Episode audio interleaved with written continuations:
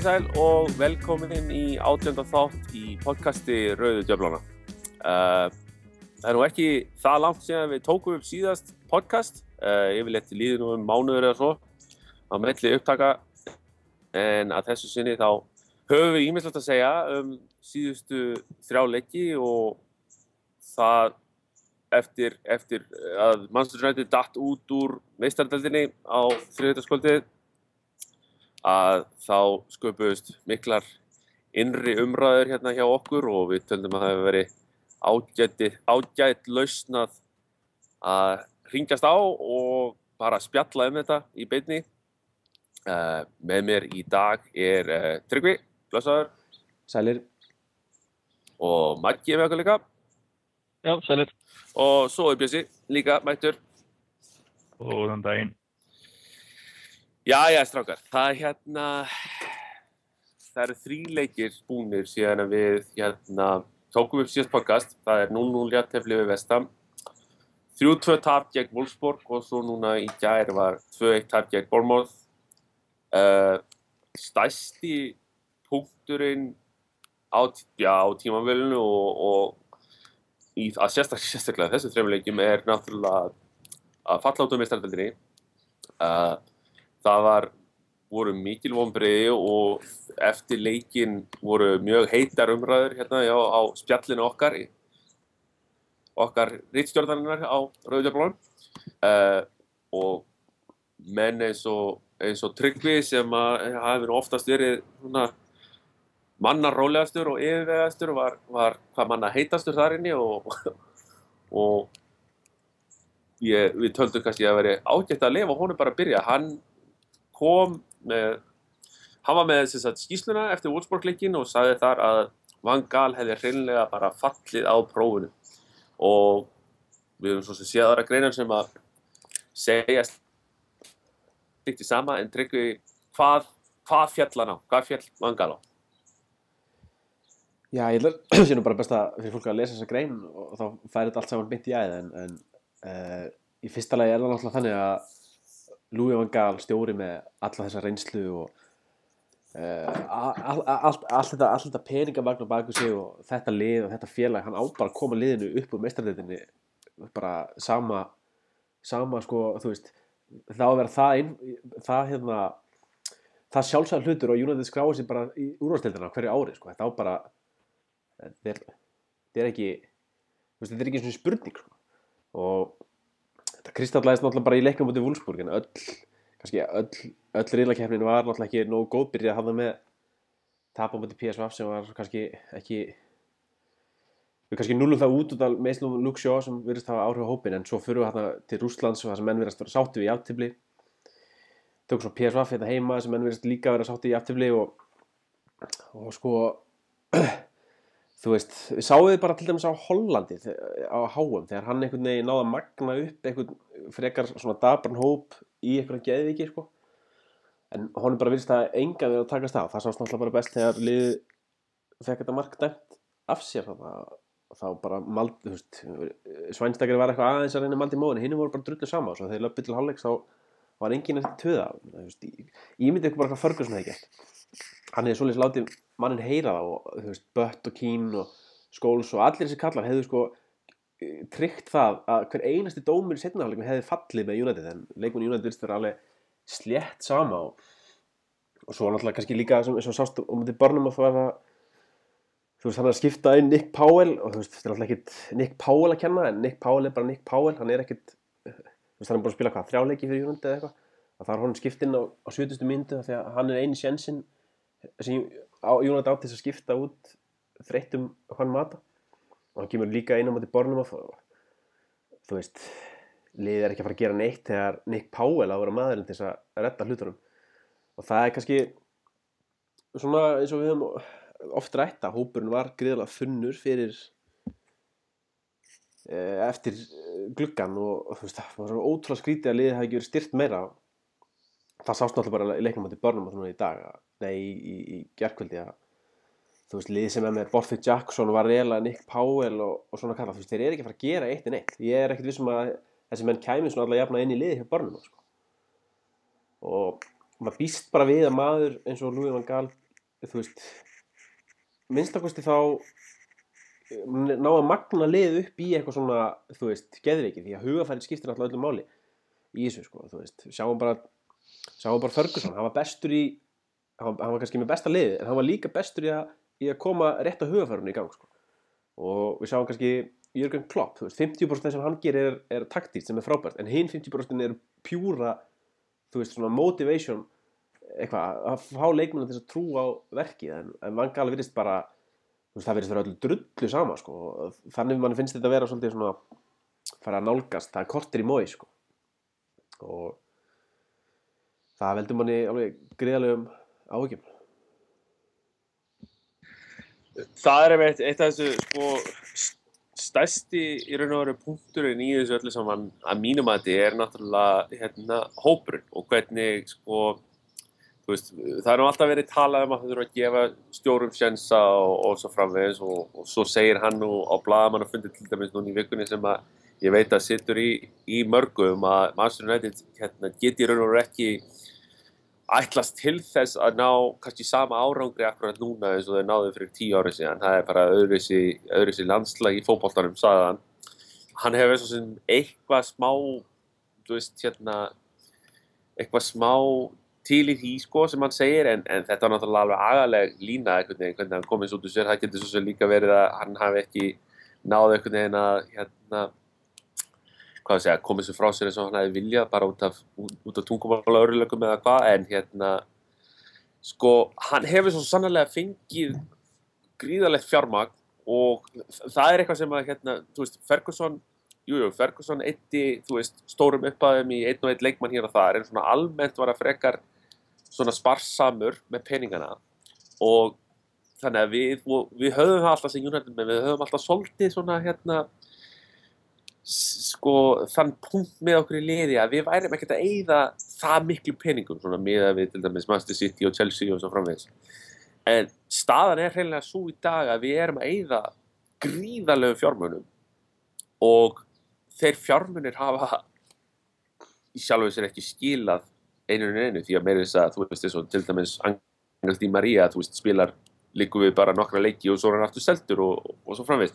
Þannig að sko það finnst mér eiginlega að vera stærsti stærsta spurningamerkið, þú veist, við getum í raun og veru að tala um það að, hérna, að hann sé ennþá að fína sér að, veist, spila með skuleginsi, spila með skuleginsi er náttúrulega gríðarlega vonbreiði að mínum mati, akkurat núna, en ég get svo sem alveg skili það að hann sé ennþá, þú veist, við erum að díla við smá meðsli og, eða smá, við erum að díla við svakalega mikið meðslum og svo er hann að fína sér þess að segja vörnina og miðjuna og allt þetta og kannski sóknin er það síðasta sem að þarf að smetla inn. Það allan að fannst mér, mér fannst alltaf þessi, þetta talið það að við ættum að vera að skora fjögur, fimm mörg ykkur meðan það leik, kannski solti óvægin, en þú veist, ok, ég skilða samt. En það sem að stærsta spurningamerkið við þetta allt saman er hvernig liðið og, eða, ég sést, Vangar og Ed Woodward hafa höndlað þessa hérna, félagsskiptaglugga sem að hafa verið opnið sem eru hvað núna þrýr sem að Vangal hefur fengið. Það, þeirra var reynilega bara fallið á því prófi, við bara sjáum hópin eins og neyri í dag, við hefum lent í meðslum og við erum ekki með neitt backup, bara akkurat ekki neitt backup. Bjössi, hvað, þú veist, e, þetta getur ekki verið, þetta getur ekki verið nógu gott. Þetta er eitt alls fyrir hlúð. Ég, það eru þó nokkur punktar í þessu. Ég, hérna, við vorum allir rosalega glaðir yfir árangri Hollands hérna fyrir núna, ein, það var í fyrra, einu og hálfu ári. Og það var þannig að þeir unnu einn leik rosalega flott og svo var restinn bara jæftefli. Það var, eða ok, þeir, þeir unnu, hvað, Mexiko 2-1 með marki á 94. mínútu, svo gerði þeir 2-0 jæftefli, unnu eina vitakefni töpuð Þeir ætla að tóku, reynda tóku Áttu spán, áttu það að segja okkur eitthvað? Þeir tóku náttúrulega spán hann í nefið, það var það sem að starta. Þeir tóku spán í nefið, það var þessi leikur það sem allt small saman og, og hérna og Robin van Persie og, og hérna Louis van Gaal voru draumateimið og, og við letum okkur drauma og bói en hérna sko Louis van Gaal hefur alltaf spilað með 22 menn og, kjúklinga og við erum og hann talaði um þetta fyrir sísoni 22 menn, tveir í hverju stöðu og við erum líklega með tæplega það ef við horfum á allan hópin en hérna það er bara samt ekki nóg. Þau eru komið nýja manna meðsli eins og hjá okkur, við erum sko það er fimm manna vörn meitt. Tóku uppbytununa þannig að hendi meðsla uppstillingun í, í, liðsuppstillingu. Við erum náttúrulega búin með fimm manna vörn sem skýrir ákveðu Borthwick Jackson og varlega eru þann inni bara sama helvítið sarkið og væri og svo uh, og svo er það já, breytin. Ég mér finnst bara gaman að sjá hafið Hernandez standa sig vel í Þýskalandi hjá liði sem trúir á hann og spilar upp á hann. Og ég horfi á bara hvernig liðið fyrir að spila síðust tíu leiki eða svo. Og ég bara hugsa væri hann eitthvað að skora? Hann væri ekkert að hann, hann væri gjörsamlega innhóndraður en þess að hann er, er uh, tegleikmaður hann hangir í tegnum, hann vil þjónust í tegnum og hann er ekkert svakalegur sko fyrir utan tegin vinna eða eitthvað. Menna þannig að Marcial er allavega sko getur spila á kantum og hún er, er vanur í að spila eitthvað svo leiðis hennan þess bara gæti ekki gert það þannig að jável, jável þú Hernandez við vissum alveg að Javier Hernandez er flott og markaskóru og ég, held, ég veit ekki hvað hann var að koma með meira okkur núna. Við tökum þetta dæmi sko um það hvað við verðum að selja út úr hóknum sko. Það sem væri já ég meina ef, ef við værum ennþá með Johnny Evans þá væri hann að spila núna og, og, og, og það hefði kannski verið hann vildi þetta fara ég ég menna við erum að sjá það hérna, hann er að fara að spila núna með Írlandi hérna næsta sumar. Og hann, hann vil ekkert hérna hann vil ekkert vera hérna uh, varmaður hjá United spila enga leiki. Þannig að hans það hefur verið byggt af því að við lendum í þessum nýjum simmanna varnamæðslum ef hann eftir að spila eitthvað á því. Þannig að ég skil alveg þá hreinsun sem varð í liðinu og ég, ef, ef við horfum á hver, hvert eitt tilfelli af því fyrir sig þá get ég ekki gett alvarlega rættuðsendir sérstaklega af því enginn af þessum sem við seldum, það var enginn svona John O'Shea sem var gætt spila fjórar, fimm stöður og betur en Danny Bailey eh, Blind getur gert það. Hérna þannig að aðal vandamáli er held ég það að við við keiftum engan outstanding leikmann í suma keiftum fullt af góðum hópleikmannum og hérna ég tala um um að því að við keiftum tvo miðjumenn sem að svo allt í unni í stæði fyrir að spila bara meitt miðjumann þá, þá var nú alltaf með tvo af þessum þreymur Snædilinn, Snæstakar og, og, og Karik eftir í hverju eru meittir og hérna við erum sko hvað er langt síðan við sögum fyrst? Já, við þurfum hafsend, box to box, midfielder og center. Er það þrjú ár? Ja, vantanlega, við erum, við erum búin að vera að töða sko um hafsendin síðan og, og miðjumannin í allavega þrjú, fjúr ár. Centerin fengum við í Van Persie. Og þetta eru ennþá þeir leikmenn sem okkur vantur. Já. Og þar, og þar held ég eins og sé, við höfum eitt hellingi en fyrir utan sko Di Maria og svo Martial þá hefur þetta allt verið sko 20-30 miljón punta menn sem að smetla inn í hóp er, er upp ná hópleikmenn. Og það er bara verðið á hópleikmann í dag. 25 miljónur og 9-15 miljónur og sko við það er búið að vera eins og það heitir á einhvern briefing. Það er þegar Edward Ward ringir í sína menn á blöðunum og segir þeim hvað þeir eiga að skrifa. Eða ef að sögurnar réttar segir þeim það pissfullur á einhverju fyllir í um síðustu helgi.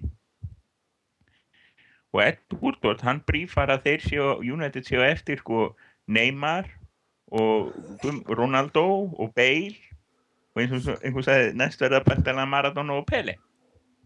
Og við sjáum aldrei neitt gerast. Og hérna ég held sko öll þessi eðsla, hún fór í að styrkja hópin þess að við erum með nýjan alveg nýjan hóp. En það vantæði sko, það vantæði kannski þrjá menn og það vantæði ekki fleiri hópleik, menn það vantæði toppleik og við hefum ekki fengið á þetta er svona þetta er eins og hópurinn snýr við mér svo getum við farið að tala um sko, spilamennsku og annað. Sko, ég, mein, ég meina ólíkt því sem hefur kannski stundu verið í, í fótballtaheiminu, þá eru allir þessir topp, þú veist topp, topp, topp leikmenn, þeir eru allir að spila fyrir, þú veist Real Madrid, Barcelona PSG þú náttúrulega topp leikmennir í Englandi er ekki að fara að skipta yfir í Manchester United. Þú veist, þannig að það hérna þetta er bara tálsýna alltaf að reyna að elda þessa gaurar sko, þú veist eins og, eins og, eins og þess að þú segir já, veist, það, er jafn mikla líkur á því að fá þú veist, bara Pele eins og að fá Neymar þú veist, hvað veist, maður er að rafa einn mörgu fyrir, fyrir Barcelona. Veist, og þeir eru með henn að Það er fyrsti maðurinn í 22 mánuða sögu leikmannsmánuðarins á Spáni frá Barcelona til að vera vanið leikmannu mánuð slætt bæjas þar kannski. En sko ok, sko, þegar förum tilbaka. Þú veist, allan, ég er á því að þetta, þetta, hérna, þetta tala um það að fá, þú veist, Bale og Ronaldo aftur heim og eitthvað svona, þetta er bara þú veist, þetta er bara pointless umræðir þessi menn er ekki til sölu og þú veist, á akkuru það myndi taka, þú veist, lungað úr maðurstofnettit hefur grí, úr gríðalegu fjármjörnum að, að velja en það myndi taka alveg lungað úr hérna kassinu að fá svoleiðismenn inn og ég held reynilega að það sé reynilega ekki hægt. En bara svo að bökkum aðeins og tölum við um það sem hafa farið sko. Sko þessi menn sem hafa farið og hafa verið seldir þú veist, við, við segjum sko já, þú veist, hann vildi náttúrulega ekkert vera eitthvað bakka upp hjá Master United. Sko málið var bara, þú veist, þeim var bara hent til hlýður og þú veist, Vangal sagði bara veist að gauðra þú veist, þú ert ekki að fara að spila neitt hjá mér. Skilur þeim var ekki eins og gerðnir sko sjensin, þú veist, Javier Hernández til dæmis, veist, hann klikkar hérna úr, veist, viti og einhverju opnum marktæki fær í einu leik og hann er bara farin, það var engin, veist, myndi hann vera að skora í dag? Nei, það er alveg rétt ég held að engin framherri í heiminu væri að skora eins og, og sóknarleikurinn er að byggjast upp. En hins vegar sko til dæmis ég sé ekki til dæmis vola mikið eftir Robin Van Persie til dæmis kannski var hans tími bara komin eða en það eru þrý leikmenn fyrsta lagi fyrst minn einhvern Di Maria hann trýta okkur illa og það var mjög svona ljótt að sjá hvernig hann á endanum fór. En sko það hefði kannski verið hægt að hérna að aðeins hvað við segja svona vefja auðvitað um hann eitthvað teppi veist, eftir hann kom. Hann, hann kemur inn að spila vel og svo spila hann aðeins illa og þá er hann bara þú veist það er svona eins og Van Gaal væri svona svolítið að reyna að kenna um einhverja leksíu með því að niðurlæga hann sko. Þú veist, þú ert ekki þú veist, ég get alveg held þér á bekkin sko þegar mér sýnist svona situation sko. Og þannig að mér fannst Dímar Ega kannski ekki höndlaðar kannski alveg rétt og hann fór í fílu og, og, og hagaði sér eins og smábad og svo er það, þú veist, Nani bara reyðilega fekk aldrei neitt sjans, þannig að hann kom aldrei neitt tilbaka, veist, ég tel alveg að Nani hefði alveg hægt að nota hann veist, í liðinu í dag. Uh, Rafael fullkominn hérna hæri bakurinn nummið tvö sem að segir okkur, sínur okkur í dag að hann var að spila alveg slatta mínúti vegna að það, það er töluvert vesen í þeirri stöðu. Og og svo Hernández Her, akkur er veist ekki að hafa Hernández í stað fyrir að bara láta hann gossa fyrir 7 miljónir punta sem ég finnst ekki vera veist, mikið verð fyrir hann. Þú veist, akkur þú veist, hann ætla hvað sem er að lána þú veist, Wilson eitthvað annað. Hann hefur, hann hefur ekki plön um að að vera með menni í þessari stöðu, veist, akkur ekki að halda Hernández til dæmis áfram, eitthvað, þú veist, allar fram í janúar og segja við hann sko, hei, ef þú spilar ekki raskat veist, fram í janúar þá seljum við þig. Veist, það er bara allir látti fara og fáir komið inn og svo bara á að krossa fingur og vonast til þess að veist, engin meðist það finnst mér einhvern veginn vera bara planið. Og svo náttúrulega ég veit ekki hvort að eitthvað hefur verið hérna, fíniseraði þjálfurinn á aðferðum og svo framvegis og menn hafi verið með fullir sjálfströstu um það að menn væri ekki að fara að meiðast í, í hérna í vetur.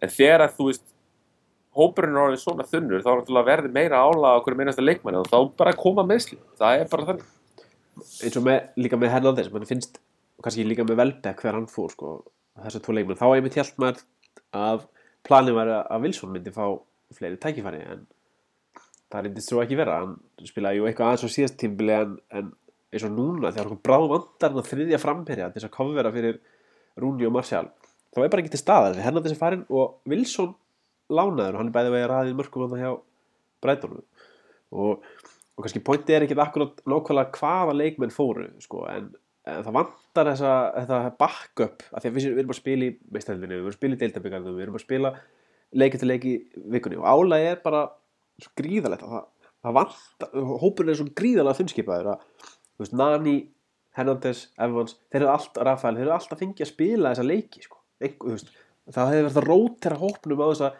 kæmi niður á framstöðunni meðslum, þreitu og ég veit ekki hvað hvað. Og Ég við, við erum með að, að þetta sé punkturinn. Sko, þetta eru þessi tveir punktar sem ég kom með, þetta er nákvæmlega það sem er að hann, hann, sko, setur menn í fristikistuna eins og við erum bara, sko, margótt búið að minnast á hann, hann, hann, hann einhvern veginn, hann gefur rosalega lítið svona second chances. Hann er ekkert mikið að gefa mönnum manna takkifæri og hitt hann veriðist einhvern veginn ekki fíla rótiringu, getur verið að veist, ég, er, ég er að hugsa um þetta þú fer að segja þetta sko, að veist, það er ekki menn til að rótira. Það er af því hann vill það ekki. Það er af því hann sko einhvern veginn hann vill hafa einhverja 11 bestu og svo eru hinn er eitthvað mikið lélegri. Já, ég meina veist hann spilaði fullt Og sterkur liða mútið Ipswich í ha, hann, hann spilaði alveg fullu liða mútið Ipswich í deildabíkarnum þannig að rennir stóðum undir þessa, þessa kenningu þína. Já. Og ég held einhvern veginn að, ef horfur á síðasta sísón hvað tveir leikir á síðasta tímabili breytti öllu sísónu að annars var MK Dons og hins vegar lestarleikurinn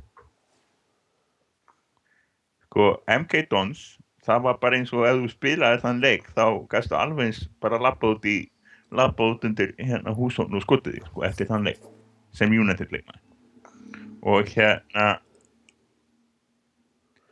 og hérna svo kom lestarleikurinn þar sem við sko skítöpuðum af því við spilum svona leik og það var bara sett í vörnina og það hefur ekki sko hérna komið aftur svona leikur síðan fyrir í aðeins þannig í Wolfsburg leiknum og, og hérna og, og, og þar var allt gal opið aftan. Það er einmitt sko svona og sem rennir stóðun undir það sem sumir hafa verið að segja all, allan tíman ástæðan fyrir að við erum svona góðir vörnin er það að við erum búin að spila með tvo varnar miðjumenn sem er kind of the point. Og hérna og, og ég held að það snýr bara enn og aftur að þessu. Ok, við erum sko hérna eh, Smáling hefur spilað rosa vel í sumar vetur hérna en, en miðjumennin hafa bara verið svona að standa sig. Og, og þetta kemur aftur að því okkur vantar nýjan hafsend, nýja miðjumann og ég menna ef, ef við fáum það er þá ekki kannski Antoni Marcial að fara að raða inn mörgum eða eitthvað, ég veit það ekki. En þetta er, sko Louis van Gaal er bara bálvaður þverhaus. Er það ekki máli? hann, jú, já, sjálfsög er hann það. Hann er gríðarlega þörhaus en hérna sko veist, það eru þarna tvö það eru þarna tvei leikir sem að hérna, United ætlaði sér að, vera pressa hátt og, og hérna og, og sækja og svo framvegis. Og það var leikurinn gegn Arsenal það sem var bara, voru bara steinrótar á 25 mínútum í þeim leik. Og svo núna leikurinn gegn Wolfsburg. Leikurinn gegn Wolfsburg var líklega með betri sóknarleikin sem að svona United hefur hefur spilað þessu, sérstaklega þessu tímabili. Og hérna og þa það var allt, og þessum, það var allt galopið aftast í, í vörninni. Og það, það er náttúrulega fær maður til að hugsa sko er þetta, er vangal að sjá þetta á æfingum eða, veist, eða sjá þetta kannski í nokkra mínútur í leikjum að hérna þegar að það á að færa liðið upp öllin að þá eru þau rosalega hérna viðkvæmir aftast á vellinum. Og þar að leiðandi e, e, segir hann með sjálfa sig ok, þetta er hópurinn sem ég er með svo virðist sem við hérna þetta er svona Mourinho taktík sko. við ætlum bara að fara og halda hreinu og reyna að ná þessu eina marki skilur til þess að vinna leiki þú veist maður spyr sér sko. Já, sko, vill maður ekki alltaf Þetta hljómar, eins og ég segi, sko þú veist, ef þú ert með lið sem er glata í vördinni viltu þá ekki frekar reyna að þú veist, taka sjensin í sóknir, það er það sem maður vil sjá þú veist að eins og Leopold gerði þarna með Rodgers, þú veist, þeir voru með ömulega vörn. Já, en akkurat. spiluðu svo frábæra sóknarleik að það skipti ekki máli þegar það fengur tvö mörg á sig. Þeir fengur bara þrjú mörg á sig frekar, þú veist, það er miklu líklega til árangur heldur en að pakka í vörn og sko að þeir sóknir er svo, hún er svo rosalega gæld sko. það er, þú veist, planið er það er eins og, þú veist, það er eins og við viti, alveg hvað það er að gera í vörninni, það er rosa vel skipulagt allt, sko, flottar fæslur þar og þú veist, menn vita nákvæmlega hvað er að vera. Þegar þeir koma fram í miðju þá bara, þá verðist planið annarkvort vera að setja háanufella inn í þegar hann er inn á eða koma boltanum bara einhvern veginn á Martial og sjá hvað hann gerir. Þú veist, það er ekkert skipulag e í eða, sóknum eða öfugt. Háar boltar þeirra að fella inn í er ekki inn á og Já, þú veist, það er eins og þið, Nei, það er eins og það að sé ekkert æft. Það er, það er bara vördin og sóknumennir eru kannski bara, þú veist, ég veit ekki, á vító meðan meðan hinn eru, eru á æfingum. Ég veit það ekki. Hljóm, hljómar sko ég, hljómar ekki villislega en það, sóknin hefur ekki gert neitt núna í tvo mánu Eða, þú sér líka bara þegar þið fá alveg bolta fyrir miðju, þú veist, það er ekkert að gerast. Það er enginn að hreyfa sig og, þá og sko, bara, þá bara, þá bara tikki, sko, þá að tikki taka alveg sama hva, í hvaða stöðu sko, veist, eh, það er búið að vera pósta hérna í allt haust sömu mörkunum aftur og aftur. 2008 mörkunum, þannig að það er hlöpunum á móti hvað Arsenal annað og, og hérna mann ekki hvað hitt var og, og maður fær það svolítið til á búið Róma já, alveg, já, já, þú, já. Og maður fær það eins og tilfinninguna. Ef þetta gerðist núna þá myndi einn af þessum mönnum sem er hann að fá sko ánga bolta fram á miðju þegar hann var á miðjunni myndi að stoppa, líti kringu sig gefa aftur á svonstekki Já, og, Já, ég, ég meina, þú veist, tölurna ljú ekki, skiljur, við erum bara, það er ekkert líði deildir sem er að gefa aðeins marga þversendingar og, og sendingar tilbaka eins og við erum að gera. Og líka sko kontrastið og maður geta séð þetta í skýslinu sem ég skrifa eftir volksbúrleikin og tók ég svona skjáskot af markinu, fyrsta markinu sem Júland skoraði að það voru tvær sendingar. Það voru blind á Mata, Mata og Martial. Tvær sendingar, mark. Það þarf ekki alltaf að gefa 200 sendingar á milli sín á þess að skora mark eins og verðist vera planið sko. þess að þetta mark komur mjög óvart að þetta var svo, var svo sjálf sem maður sér svona sko, veist, Mata alveg auður á miðinni og fullkomin sending veist, að því maður hefði alveg spúist við einmitt þau svo segir að Mata hefði þegið boltan hort fram á því svo að na, best ekki gefa bara aftur á veist, Já, það, það svona fyllti mann, sko, von, eða, þú veist, fyllti mann vona að, hérna, sko, loksins, veist, þeir voru svona að stilla upp ég Wolfsburg svona eins og maður vildi sjá, sko, og þetta var einmitt markið sem kom hann upp úr því og maður hugsaði með þessi, já, já, núna, núna, hérna, loksins sýnir, þú veist, Mata hvað hann, hérna, getur gert í þessari stöðu, vegna þess að við hefum náttúrulega allir vilja, þú veist, sjá hann, kannski pröfa hann svolítið meira í þessari stöðu, en, hérna, en svo, þú veist, þú veist, hann er alltaf fyrsti maður sem er skipt út af, ég veit ekki hvort að það sé hérna, form, formvesin á honum eða hvað, en þú veist, þú veist það liggur við þess að hann fá ekki að byggja upp form þess að hann spila alltaf bara, þú veist 70 mínútur. horfum alltaf vorkunum hann er að spila, ef þegar hann er hann í þessari hólu stöðu, þá er hann alltaf að spila við sko, þú veist, af því að anstæðgandur, þeir eru alltaf með tvær línur bara, það er bara tíu manna múr. Þannig að hann er alltaf með fjóra-fimm leikmenn á sínu svæði, sko. Þannig að þú veist, hann, það á hann að gera? Þú veist, hann er ekki þannig leikmaður, hann er að að sóla sko. hann þarf svæði til þess að stinga þessum bolta inn, sko. Eins og hann fekk hann á móti Wolfsburg. Þannig að þú veist uh, já, ég vorkir hún svolítið uh, þegar hann fær að vera í hólni þegar það er bara ekki pláss, pláss fyrir en svo það er í skýslinu það sem er ekki sko miðjumenn á milli Já. En S- Svo, nú er spurningin. Já. sko við erum búin að ræða þetta við erum búin að spjalla um hópinn og hversu hann er svona þunnur og öll þessi meðsli og við erum búin að spjalla um að fann gal hann fristir menn og, og, og stingjart sókn og allt þetta. Og þá er bara spurningin er Lúi fann gal að komast á endastöð? Eða er hann bara svona, eða hvað hvað er að gerast? Sko, mér finnst allan að eins og núna sko, sérstaklega, það er náttúrulega tölur hitt í mönnum hérna, eftir, eftir Wolfsburg leikin og hérna sko, mér voru frekar pyrraðir að sjálfsögðu. En svo náttúrulega gerist það núna þegar veist, svarið við Wolfsburg leiknum var skelfilegt sko. þú veist, núna gegn Bournemouth í, gær. Og það hins að má alveg svona veist, liðið var fárálega óreitt sko, sem að spilaði í gær. Og það er eitthvað sem að kannski Æ, ég veit ekki, þú veist, mér finnst þess að það sé alveg hægt að skrifa það svona svolítið á, á hérna, á Van Gaal, sko, að hérna, til dæmis Young, þú veist, Young hlýtur bara að vera meittur eða eitthvað, ég, þú veist, það hlýtur eitthvað í gangi með Young. trú ekki öðru ekki, þú veist Akkur situr hann bara á bekknum hann fast, sem fastast hann hlýtur bara að vera mittur það, það bara kemur ekkert til greina sko. og Ég held að, ég held að hljóta að vera, ég held að, ég held að hann sé eitthvað í, sko það er bara það þunnur hópun og hann setur bara mitt að menn á bekkin bara, bara til að vera með hann.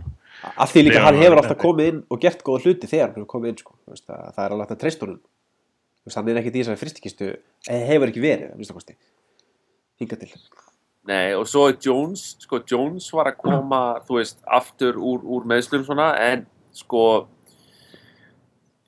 þú veist, eh, já, ég hef ok, kannski hefði það verið of, hérna, of hæ, áhættu samt að, byrja kannski leikin með hann, en þú veist, ég hefði, ég hefði alveg íhugað það, skilur, ef, ef hann hefði verið svona, svona, hvað við segja, nálægt í að vera fit enough, sko, þá hefði ég alveg gamla með það að vera með hann frekar inn á og þá skipta honum út Hann af. hefur líklega ekki verið það held ég. Nei, eflaust ekki, þú veist, hann kem- kemur Veist, hann hann hefði þetta inn og veist, ég held að það er að sjálf og þó, ég meina Phil Jones meiðist þegar hann veist, horfur að lækna þetta í sjónvarpinu eða eitthvað sko En ef ef við förum aftur á spurninguna að spjösa, þú veist, þá náttúrulega er tíu menn mittir og við erum að fara detta í, í, í jólaprógrami sem er sko náttúrulega langstremnasta tímbilið í, í, í deildinni. Og ég meina, þú veist, þessi hópur það hafa alla 15 mann sem eru heilir, sko. Og hvað er verið að fara að spila tvekja þryggjita fresti hann í jóltörnina og, og svona miðað við andleysið í hópnum og, og, og svona kraftleysið það, sem maður hefur nú haldið að það verið hægt að mótivera menn eftir að dotti út um meistralindi til þess að gera eitthvað múti Bornumóð uh, þú veist þá maður sér þetta ekkert batna, sko, maður sér ekkert til sólar einhvern veginn, af því að það eru svo veist, það væri kannski aðeins öðru sig ef það, að því að þú veist, meira, hvert lið lendir í slæmúslitum alltaf annað slæði, sko, það væri alltaf lægi ef kannski þú veist, það væri allir heilir og maður myndi sjá fram á að, þú veist, menn var að koma með meðslum en ég, þú veist, ég meina ef við lendum í basli í, í jólatörni þá held ég að þetta veri verulega erfitt fyrir vangal ég, getum við lítið svo á að ústita leikurinn hans verði á hvað er það hérna eh, 28. desember já, Hvað er það? að Chelsea Hvað er það? Chelsea heima Chelsea Chelsea heima ef við vinnum þann leik þá er þetta glæðir já, ég þann leik þú veist, við hefum ekki Það unnið- vinn allir Chelsea núna. mm. en nú eru komin sex leikir í röð þar sem við hefum ekki unni leik. Ég held að Móis hafi bara farið þrjá leiki í röð. Svo næst hefur við Norveits heima sem við nú ættu nú, ættu nú að taka þú veist, af öllu í öfnu svo er það Stoke úti og Chelsea heima. Þetta eru ekki, þetta er ekkert öðvöldi leikir þó að Chelsea náttúrulega sé ekkert topp formi akkur þessum nú, það er náttúrulega Chelsea. Já, ég meina þetta er bara Chelsea, þetta er Chelsea United, þeir verða, og, og ég tánum um gimm ef, við lendum í basla, sko, Norwich eigum við náttúrulega að vinna á heima, bara alveg punktur, þetta er ríkalegt lið. Stoke City á útivelli, annan í jólum, hátteginu, þeimlega töpum við nema eitthvað mikið gerist. Það er bara, sko, í dag, þú setur ekki pening á United í þeim leik. Stoke. City er að spila gimbrandi bolta Mark Hughes eftir sko 15 ára streð er allt í einu hann að, sko orðin stjóri með bara uh, vision og, og spilamenn sko guðma þetta hvað og hérna sko við erum að fara að tapa þeim leik nefnum eitthvað mikið gerist. Já, ég meina, já, það, þeir eru náttúrulega eru alveg gríðarlega sterkir heima, það er ekki spurning. Og hérna sko, það er til dæmis leikur sem að, þú veist, ég myndi alveg sætta með við 0-0 jöfntöfli í, sko. Sko, til dæmis, en hérna ég held ég, þú veist, það verður spilað upp á það.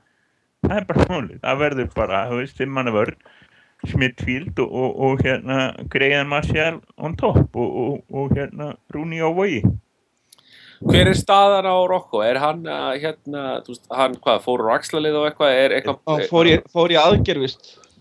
þannig að hann er ekkert að koma aftur næsta mánuðinu?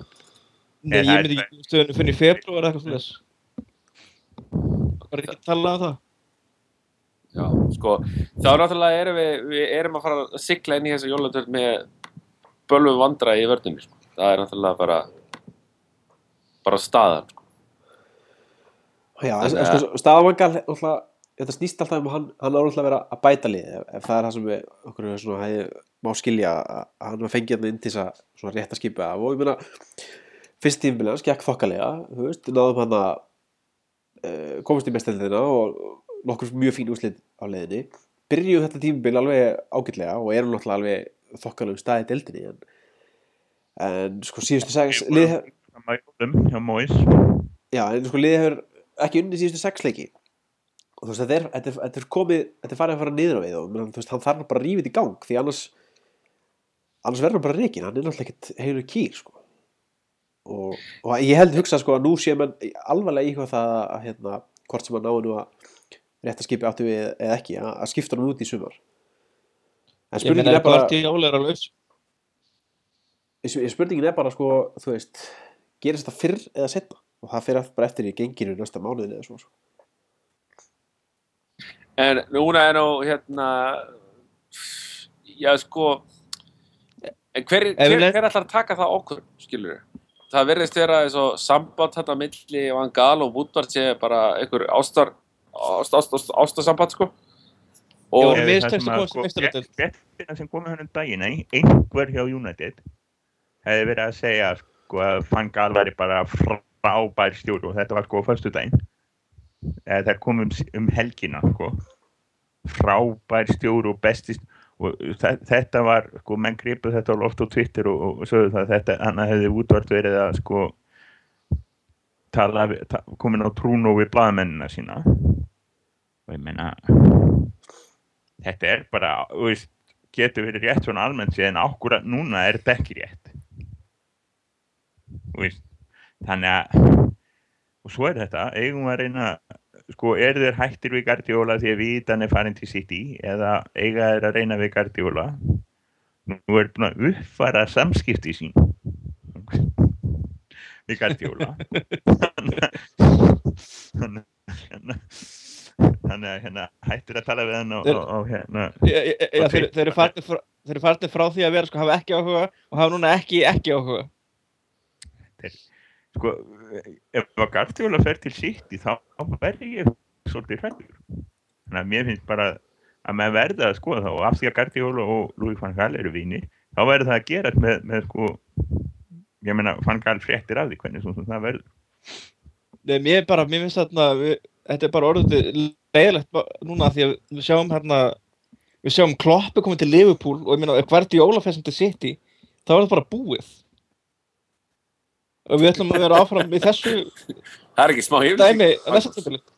Nei, ég er, ég er ekki meina, búið, ég meina, þá erum við ekki að fara að vinna neitt, sko. Já, já, við, nei, nei, við, við skildum þið allir þannig. það er yfirlýsing.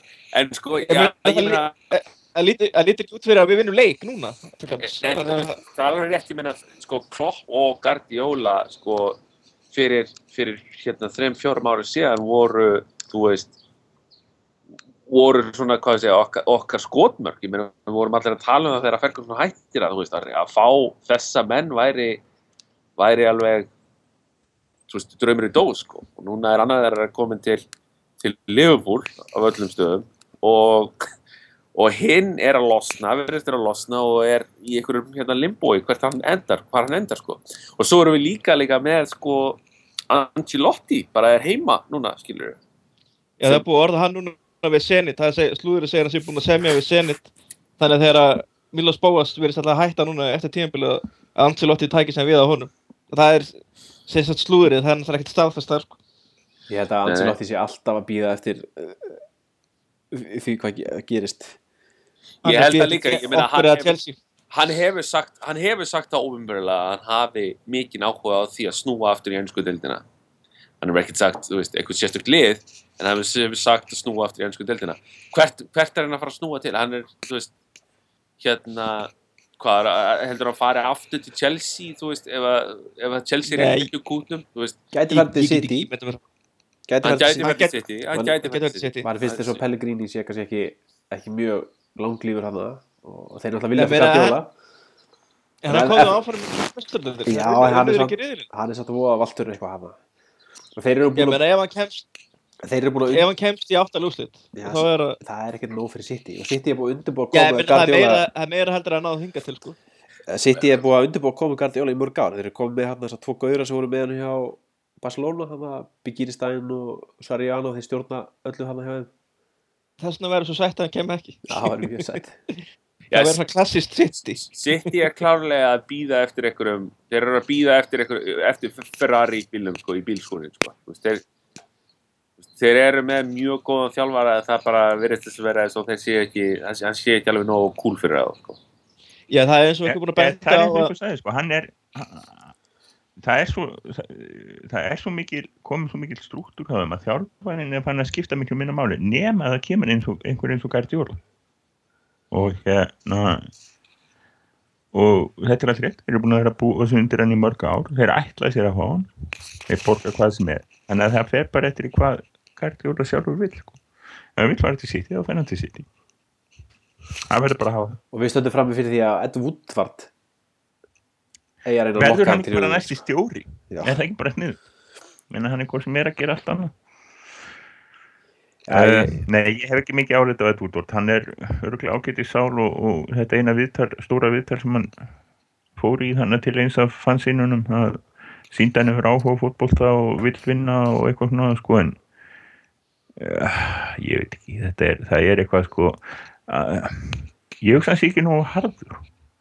Ég hugsa Er hans ekki nógu, nógu bara sko það, er- það er nú bara þannig að CEO í fyrirtækjum sko, það eru, þau eru konið yfir ákveðina stærða fyrirtæki sko, þá þá, þá mjúki maðurinn, hann er ekkert að standa sinni svakalega er vel en einu leiti er þetta náttúrulega besti frákvæmdastjóri í, í, í knaspundinni í dag og það er vanandi auðlískasamlinga Já, nákvæmlega. það, er- það, er- það er ekki sem kemur það er ekki sem kemur það það honum þar og auðvitað eru gleisættin bara sáttið það. Þá malla peningarnir Ég yfir meina, en væri ekki United að fá þessa samning, ég meina, regardless? ekki kannski alveg sko, ég alveg, þetta er eins og sko umræðin sem kom alltaf upp í tengslum við sko kostnaðin af gleisurunum, sem er eins og allir vita í kringum 1 miljardur punta sko, United væri að fá kannski minna af samningum, eða væri ekki með sko nákvæmlega þessa, en við vitum það ekki vegna þess að það geti vel verið að við hefum ráðið einhverja sko hörku hérna markasminn, það var hérna United var næst fyrsta liðið til að setja alvöru kraft í markasmennskuna hjá sér upp úr miðjum nýjönda áratunum er sko víst uh, búðin Old Trafford var á stærðið sko litla hverfisjópu sko og svo var það þannig að þeir, þeir réðu Tottenham gaurinn en þess að Tottenham hafði verið að gera góða hlutina. Og þá fór þetta og United eftir það var alltaf sko í fremstu röð í þessum málum. Menn það er ekkit endilega sko veist, það hefði ímsi geta gert það, veist, það var bara ákveð að fara fullum kraft í þetta og það hefur verið gert. Og svo náttúrulega veist, eins, það er ennþá þannig að það vilja öll smá fyrirtæki eða stór fyrirtæki eða meðlum stór fyrirtæki í sko öllum heimsóknum að associera sig við United hversu lengi það endist ha? Já, ég meina, menn samt hljóta, sko, þú veist, gleysiröndum, þeim er alveg sama um allt nema bara hvar hlutabriði stendur, sko. Þú veist, það er það sem þeim skiptir þá máli og ég meina, besta vandamál United og hlutabrifið hefur verið ansi gott þú veist, á þessu ári og hefur farið upp í þú veist, það hefur farið hæst í eitthvað 19,3 og er núna hefur varum daginn í, í tæplega 19 fór allar leið niður í sko 15 Er þú ennþá, ennþá hluta við það? uh, ég er reyndar seldi mitt vegna þess að uh, ég grætti pening á þig þannig að ég, ég seldi mitt. Ég er að býða eftir að United fari í köku eftir, eftir að Moyes takki við annars skipti. En hérna sko, menn hljóta að sjá það veist að þegar að hlutabrifi fara að taka hverju dífu eins og núna það er strax hefur droppað töluvert eftir þetta út, út úr út úr mistardendinni þannig að hérna sko menn allan að þegar, þegar, United fyrir að tapa peningum þá kannski fjara gleðsvöldin eitthvað aðeins að pæli, er að, hver er að stjórna þess aftur hérna? Edd eitthvað, hvað, hérna, Já, veist, en, fá aðstofmanni til að ringi hann, sko. en, Og en, hérna- En hann, vandamálið við þetta, þetta er alltaf engin leið til að stjórna knastmyndufélagi, þetta er Að fín leið til að stjórna fyrirtæki. En þú veist þess að Að stjórna 11 mönnum inn á vellinum og þú veist við þurfum að gera svo bæinn, við þurfum að fá þess að kalla, þú veist Giggs og, og Neville og Beckham og við þurfum að fá þá inn, veist, Beckham Bauer og alla þess að kalla, þú veist, það þurfa að vera knastmyndu menn að stjórna knastmynduleginu og svo getur verið að leika sér með peningana, þú veist, að má það má vel verið að það áfram, sko, en knastmyndulega þurfum við að fá einhvern svona einhvern struktúr hvað vil, vil ég þá fá þá þessu svona Neville eða Giggs eða eitthvað sem svona direktor og fútbol þá? já, þú veist, bara einhver, einhver svona eins og þú veist, er hjá bæinn, En, það er en, en, aðtuga eitt tryggvi sko, þetta er alveg rétt höfður en, en hérna, sko menninir sem eru hjá bæja núna sko þeir þegar að þeir fara að koma inn að alvöru þá eru þeir allir sko komnir vel undir sko vel yfir fættut og undir fymtugt þeir eru 10-15 árum eldri eða 5-10 árum eldri heldur en heldur en 92 kynstöðun okkar er núna. Og með fullri virðingu fyrir mentuna síði knattmyndumanna þá, þá er þeir kannski, ég veit það ekki. Þeir eru nú nokk klári Neville og, Neville og þannig fleiri Gary Neville og, og, og, hvað Nicky Butt og, er að gera góðu hlutin í business og svona eitthvað. Þannig að veist, þeir eru sko í, hjá bæinn þá eru þeir í stjórnunastöðum þeir eru ekkit direktor á fútból þeir eru bara sko hvað Uli Hönes, hann var bara framkvæmdastjóri félagsins CEO, Rúmenik Einmitt. eitthvað, eitthvað svipað, sko, þeir eru allir í, í sko executive stöðum, þeir eru ekkit directors of fútból, þeir eru bara í Ég- stjórninu og eru að stjórna. Ég er líka ekkert að tala um direktur á fútbol já, ég vil alveg endilega, ég vil hafa þá Ah, að mista kosti að einhver af þessum mönnum komi að stjórninni til þess að svona halda fótboll að því að núna er balansinn allt og mikið á businessin og fótbollin skadast til það, við þurfum að, það þarf að jafna þennan balans. Þess vegna þurfum að fá þessa, þessa, þessa gömlu kalla inn í, inn í já, já, að ég er alveg minnsta saman minnsta kosti inn í struktúrin sko ekkert endilega sem einhverju þú veist, að kaupa leikmenni bara það þarf að, þú veist, að það þarf að svona það þarf að þú veist, það þarf að vera balans að það milli. Þú veist, Woodward er að keira business hlutan allt of hátt upp sko. Eh, það voru náttúrulega, hérna, til varnar Edwardar, þá, hérna, var náttúrulega, stærstu mistingi voru náttúrulega ráða David Moyes, strax eftir, þú veist, eftir að Ferguson hættir. Sko, þeir ráða David Moyes og það er náttúrulega fer allt í köku með, hérna, með spilamennsku liðsins og svo framvegis og leikmenn fara að fara og svo framvegis. Að það er búin til það ákveðin, hérna, sko, scenario það sem að United vantar leikmenn alveg gríðarlega. Og það er það er óbáslega erfitt það er örugglega erfiðast fyrir United af öllum klubbum í heiminum erfiðast fyrir United að fá leikmann. Myndi ekki segja það? Jú, ég held að það sé uh, alveg valið punktur, ég meina ef uh, ef United býður í leikmann þá er alltaf að vita liðið sem er að fá tilbúðin að United getur búið alltaf miklu herra ég held að þú veist, ef United ekki bara það heldur United er desperate sko. Já. það er bara málið og þú veist, samningstað United er alveg afleitt sko. United er mesti kortir í þrjú gæi fútboltanum bara síðan sko, ég veit ekki hvað og ég meina þú veist, að einhver leiti verða öll ennsku liðin finna öll ennsku liðin fyrir þess að þegar sjónsamningurinn er náttúrulega þú veist, að keira verðið upp en já, eins og segir, United er desperate, það er svona x-faktoran í þessu það, þú veist, ef United verður með leikmann kannski á, á 25 miljonir þá vil liðið alveg pottitt segja, herru, eh, 40 þú veist, og United þarf að borga 35 já. Talandu um það, haldið að við kaupum í janúar? Já, Þú veist, hver, hver, hver ég að kaupa? Ríad Mares Ég veit ekki, ég, ég hugsa, finnst það mjög líklegt að, að United fari bara all in í, í janúar, en ég veit ekki, ég, ég veit svo sem ég ekki held að hverju, Edward sko. að emitt, Ég held að United vilja fara orðin í janúar við bara fáum ekkert Nei. af því sem við viljum fá nema við sko, það er ekki séns að við fáum einhverja þess að sko eh, eins og við töluðum um Peli eða Maradona típurna hana. En ég geti eru- sko veist, ef, við, ef, við- ef við hendum 30 miljónum á borðið og, og 100 og- 100 pundum í samning eh, á Mares og hérna þá segir Lester já En svo viltu líka ekkert Er?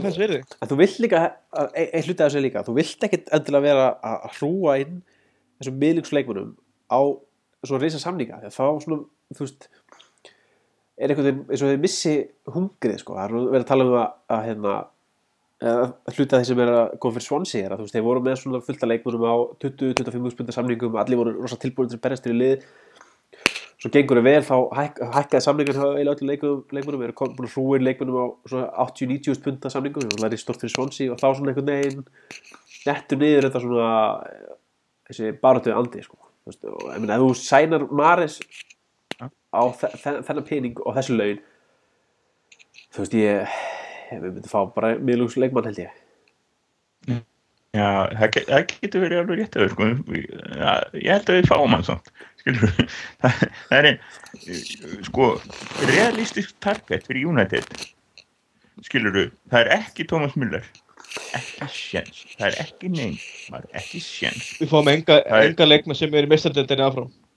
nei, nei, ekki í janúar. Sko, það er, það er ekki sjens sko, að Gareth Bale komin til okkar í janúar það er smá sjens að koma einhver tíman til okkar. Einhver tíman hann vil koma til United. Ef við erum nógu góður eftir 2-3 ár sko, uh, en hvað hefum við þá að gera? Það er sko, stóra spurningin er, veist, getum Eftir erum 2-3 ár þá er hann Við þrítugur. getum tekið Harry Kane.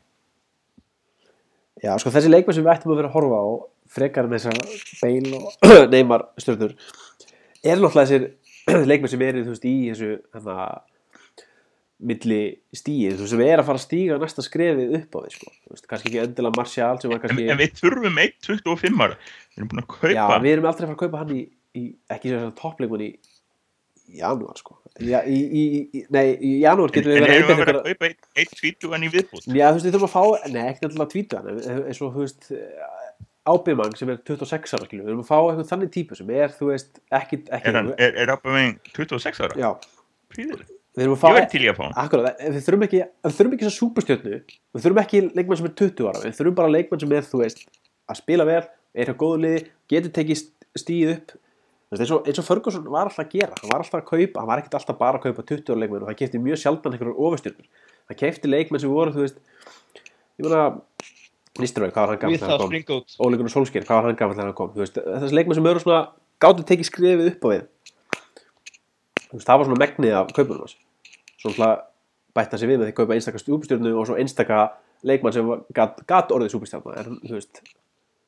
við þurfum Við meira erum, búin að, við búin að kaupa svolítið mikið af leikmennum sem gátt árið get og að geta það.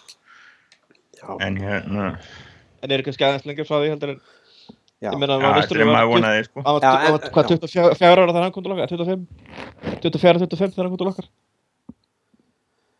Sko, okkur vantar eitthvað svona, já, eins, eins og tekka er að tala um, sko, ég, þú veist, svona, ég er ekki að segja, veist, að þessi, þessi menn sé á lausu eða, eða, hérna, eða þeir sé eitthvað, þeir hafa aldrei meira að vera líka við United, sko, en þú veist, þú veist, til dæmis eins og, þú veist, hérna, hvað segja, Manje og, eða, eða Eriksen eða eitthvað hjá Tottenham eða, þú veist, eða Bark, Ross Barkley hjá Everton, þú veist, menn sem að, þú veist, hafa potential í að, í að Ross, gera Ross Barkley er, er 50 minnum punta maður í dag. já, já, ég meina, al- engin spurning er John Stones er talað um að við ætlum að kaupa næsta sem er á 50 miljónir. Það er bara þannig, þegar nýji samningurinn, sjónarsamningurinn, hann er svo svakalegur að, litlu liðin fá svo mikið peninga, það hækkar allt. já, já, svo náttúrulega er þessi Þetta er þessi svona, er kennst og hvað dæmið verður. þessi göra sem þú nefnir þetta er náttúrulega líka með sko 15 miljónar króna ennskan skatt á sér sko Já. Þannig að Já, já. það er En ónátt alltaf að það, ég, ég, En ég held, hvað- sko, ef stöður en eig- eigum við að lifa Louis van Gaal, sem allir er að tala um, sko, víst, hann geti rekin any day now, eigum við að lifa honum að kaupa leikmenninu. það er náttúrulega fyrir bara eftir jólatörninni sko. Það fer algjörlega eftir jólatörninni ef að, ef að hérna sko ok, sko, ef að liði vinnur þessa leiki, þú veist, mér er alveg sama þó þau vinni, þú veist 1-0 þessa leiki þú veist, ef þau bara vinna, núna til dæmis segjum bara, þeir vinni Norwich 1-0 þeir vinna Stoke 1-0 þeir vinna Chelsea 1-0 og þeir vinna Swansea 1-0 þú veist, er, hva, hvað segjum við þá á núðumangan? þá held ég að hann þá held ég að sko áfram, fram Já. á sumar. já, þá held ég að, þú veist, uh, nema að koma einhver stórkostlega bætingi framistöðuleysins, þá held ég að, segjum hann taki þessa, eins og segir, þá fær hann sumarið, en ef hann er að bæta lið, stíga upp, þú veist, ef, ef þetta fyrir að kikka inn, þá náttúrulega fær hann pottið að klára samningi sinn, en ef hann tapar hann líkjum, þá held ég að, þá held ég að vera stutt í að hann fari, sko. En hvað ef að tapar þessu leikjum fjögur þrjú?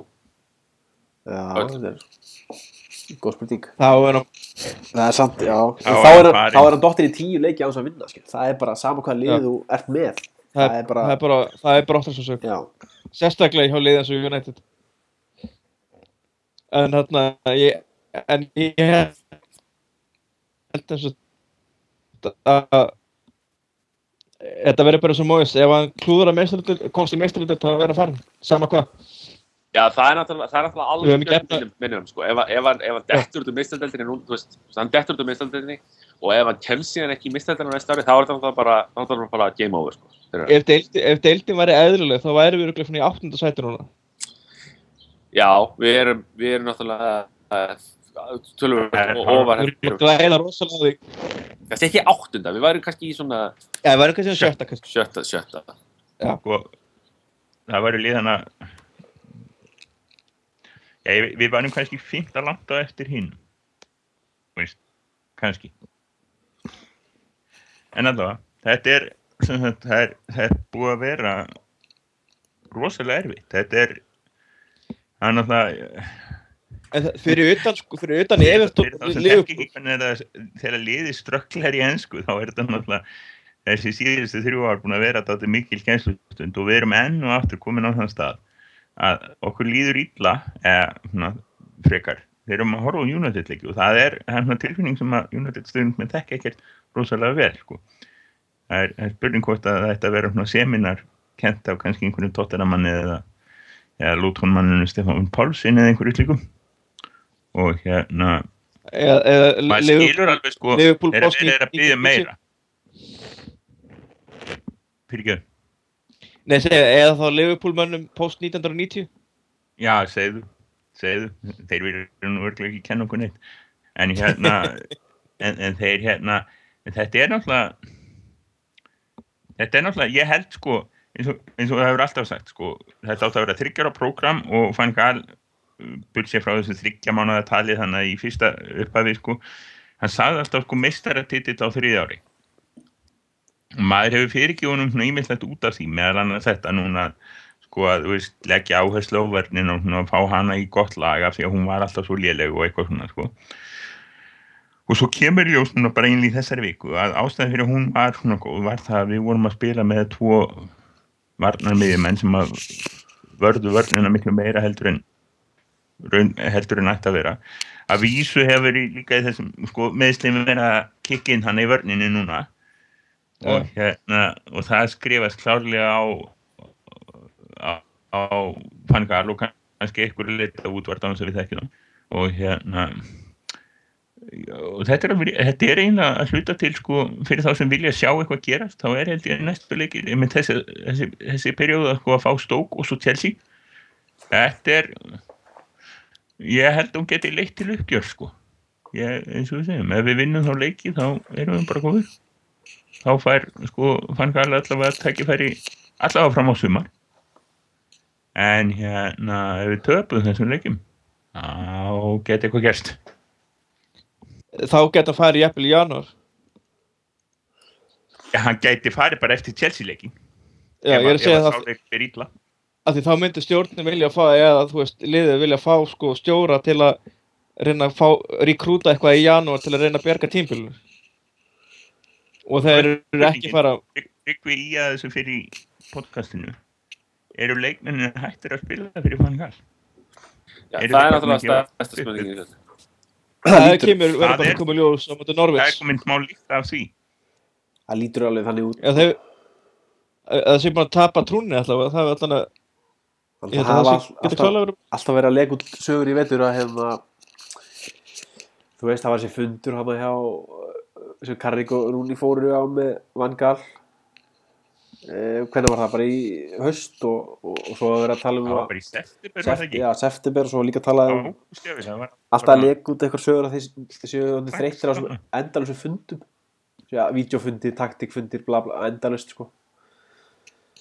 Þannig að þú veist ég, ég meina, við skulum ekki, skulum ekki glemma því eins og ég sagði á Twitter í gæðir að þú veist, þessi leikmennir, þetta er náttúrulega bara smápenn þú veist helsta umkostur er að Moyes eru menn sko, þetta er yfirleitt menn fa- fastir í, í sko 16 ára hugsunar Já, sko, helsta umkvæmstæðinu varandi við Moyes var að, þú veist, hann bannaði um að fran, franskar fyrir leikdag, skilur. Og fyrsta hugsunum var þegar þeir fréttu að hérna Giggs væri búin að taka við þá bara, heyrðu, við verðum að fara til Giggs og það verður að leiða okkur frá franskarnar aftur. Þú veist. Já, hérna, þú veist, það, það kemur alveg ekkert óvart eða þeir svona finna lyktina því að hann sé að hætta, þá hugsaður, heyrðu, við getum losnað við Karlin. En hvað haldið að, haldið að það sé gott að með gigs til dæmis að hann taki við Swansea og við fáum bara einn Guardiola? Algjörlega. Ég vil sjá Giggs sko ég vil sjá, ég vil sjá Giggs sko reyna þessi, ég er svolítið brendur hérna að því í gamla daga sko hérna þegar að allir sko fer- 80s Ferguson strákanir 80s og 90s Ferguson strákanir eru stjóra sko og maður bara svona já þessi tekur við að Ferguson og, og þeir, þeir hérna sko þeir klúruðu svo allir. Það var það engin annan úr stjórnum það er ekkert sem Já, bendir, það er einu sem við erum að gera eitthvað viti í dag. Það er ekkert sem bendir til þess, við hefum ekki hugmynd um hvort Giggs, þetta getur vel verið hans í frábærstjóri en við vitum, höfum ekki hugmynd um það, fekk hann að fjóra leiki eftir Moist og sé ekkert eitthvað frábælega í þeim, en svona, ok, allt í lagi. Og ég veit ekki, þú veist, optimum scenario er náttúrulega að Vangal klári, hérna, klári tímabilið og Guardiola komi inn, sko. Ég held að það er best fyrir alla, af því að ef við myndum verið að fá eitthvað inn núr, segjum að Vangal er reikin í janúar þú veist, ég veit ekki hvort að, að fá gigsinn, það getur orðið eitthvað algjört fjarsko, sko. En, en, eh, seg, segjum að hérna segjum að ef Van Gaal er látið fara núna og við ætlum að fá Guardiola suma, hver tekur það við út tímbil, er það þá gigs, aftur? Ég, ma- svo líklegast, ég, sjáu þið eitthvað stjóra sem er til að taka við þetta, í, taka við þessu í, fimm mánu, Ef, ef þetta væri AC Milan, þá myndið við fá en Dale Beckham. Þegar við erum bara fyrirvöldi leikmenn til að stýra sér.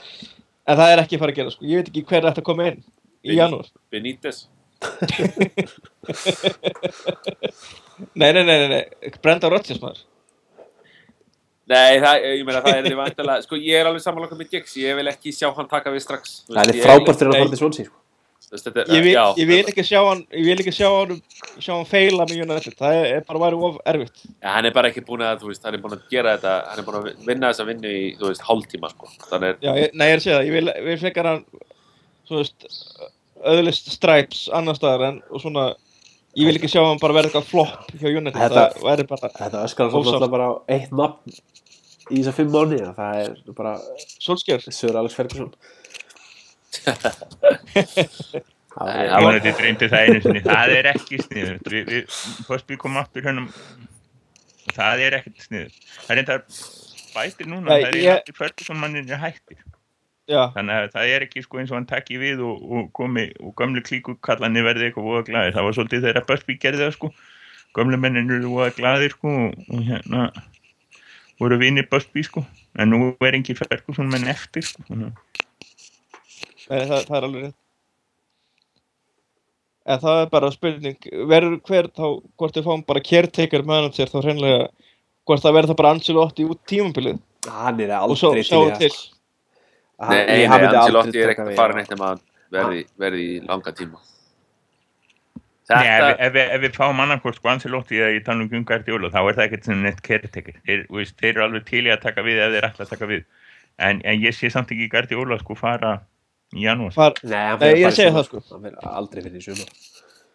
þannig ef við ætlum að fá hann í sumar og þá náttúrulega þá, þá eru við náttúrulega að því keppninu náttúrulega að vangal verið reikin við það er ekkit endilega víst, hann- getur geta alveg verið vís með að snúa svo við. Ég bara sé, ég bara sé ekki að, veist, að það hagnist neinum að láta Vangal fara núna, þó svo það sé eitthvað ströggli gangi, veist, það hérna, ekki nema þá að Angelotti sé á lausu og tilbúin að koma undir eins og, veist, það er eina, eina staðan, sko, en ef við ætlum eitthvað að fara að spila eitthvað leik um það, að halda sem, ef allt fyrir köku og whatever og við höldum, þú veist, Van Gaal út tímabili í þeirri vonum að kannski, kannski ekki að fá Guardiola, þú veist, þá hérna, við náttúrulega vitum all hvernig hérna, hvernig sem sagt, slúðri var hérna þegar rétt áður en að Guardiola tók við bæjum munn hér, þá var hann á leiðinni, þú veist, til okkar og leiðinni, þú veist, hinga og þangað, sko, svo allt einu tekur hann við, við bæjum munn hér, þannig að, þú veist, við vitum ekkert hvað hann er að pæla, sko, hann getur þess vegna ákveðið bara, þú veist, að taka við ykkur í kýmvisku liði, sko, Eða þú halda veist, áfram áfram bæir, jáfnvel.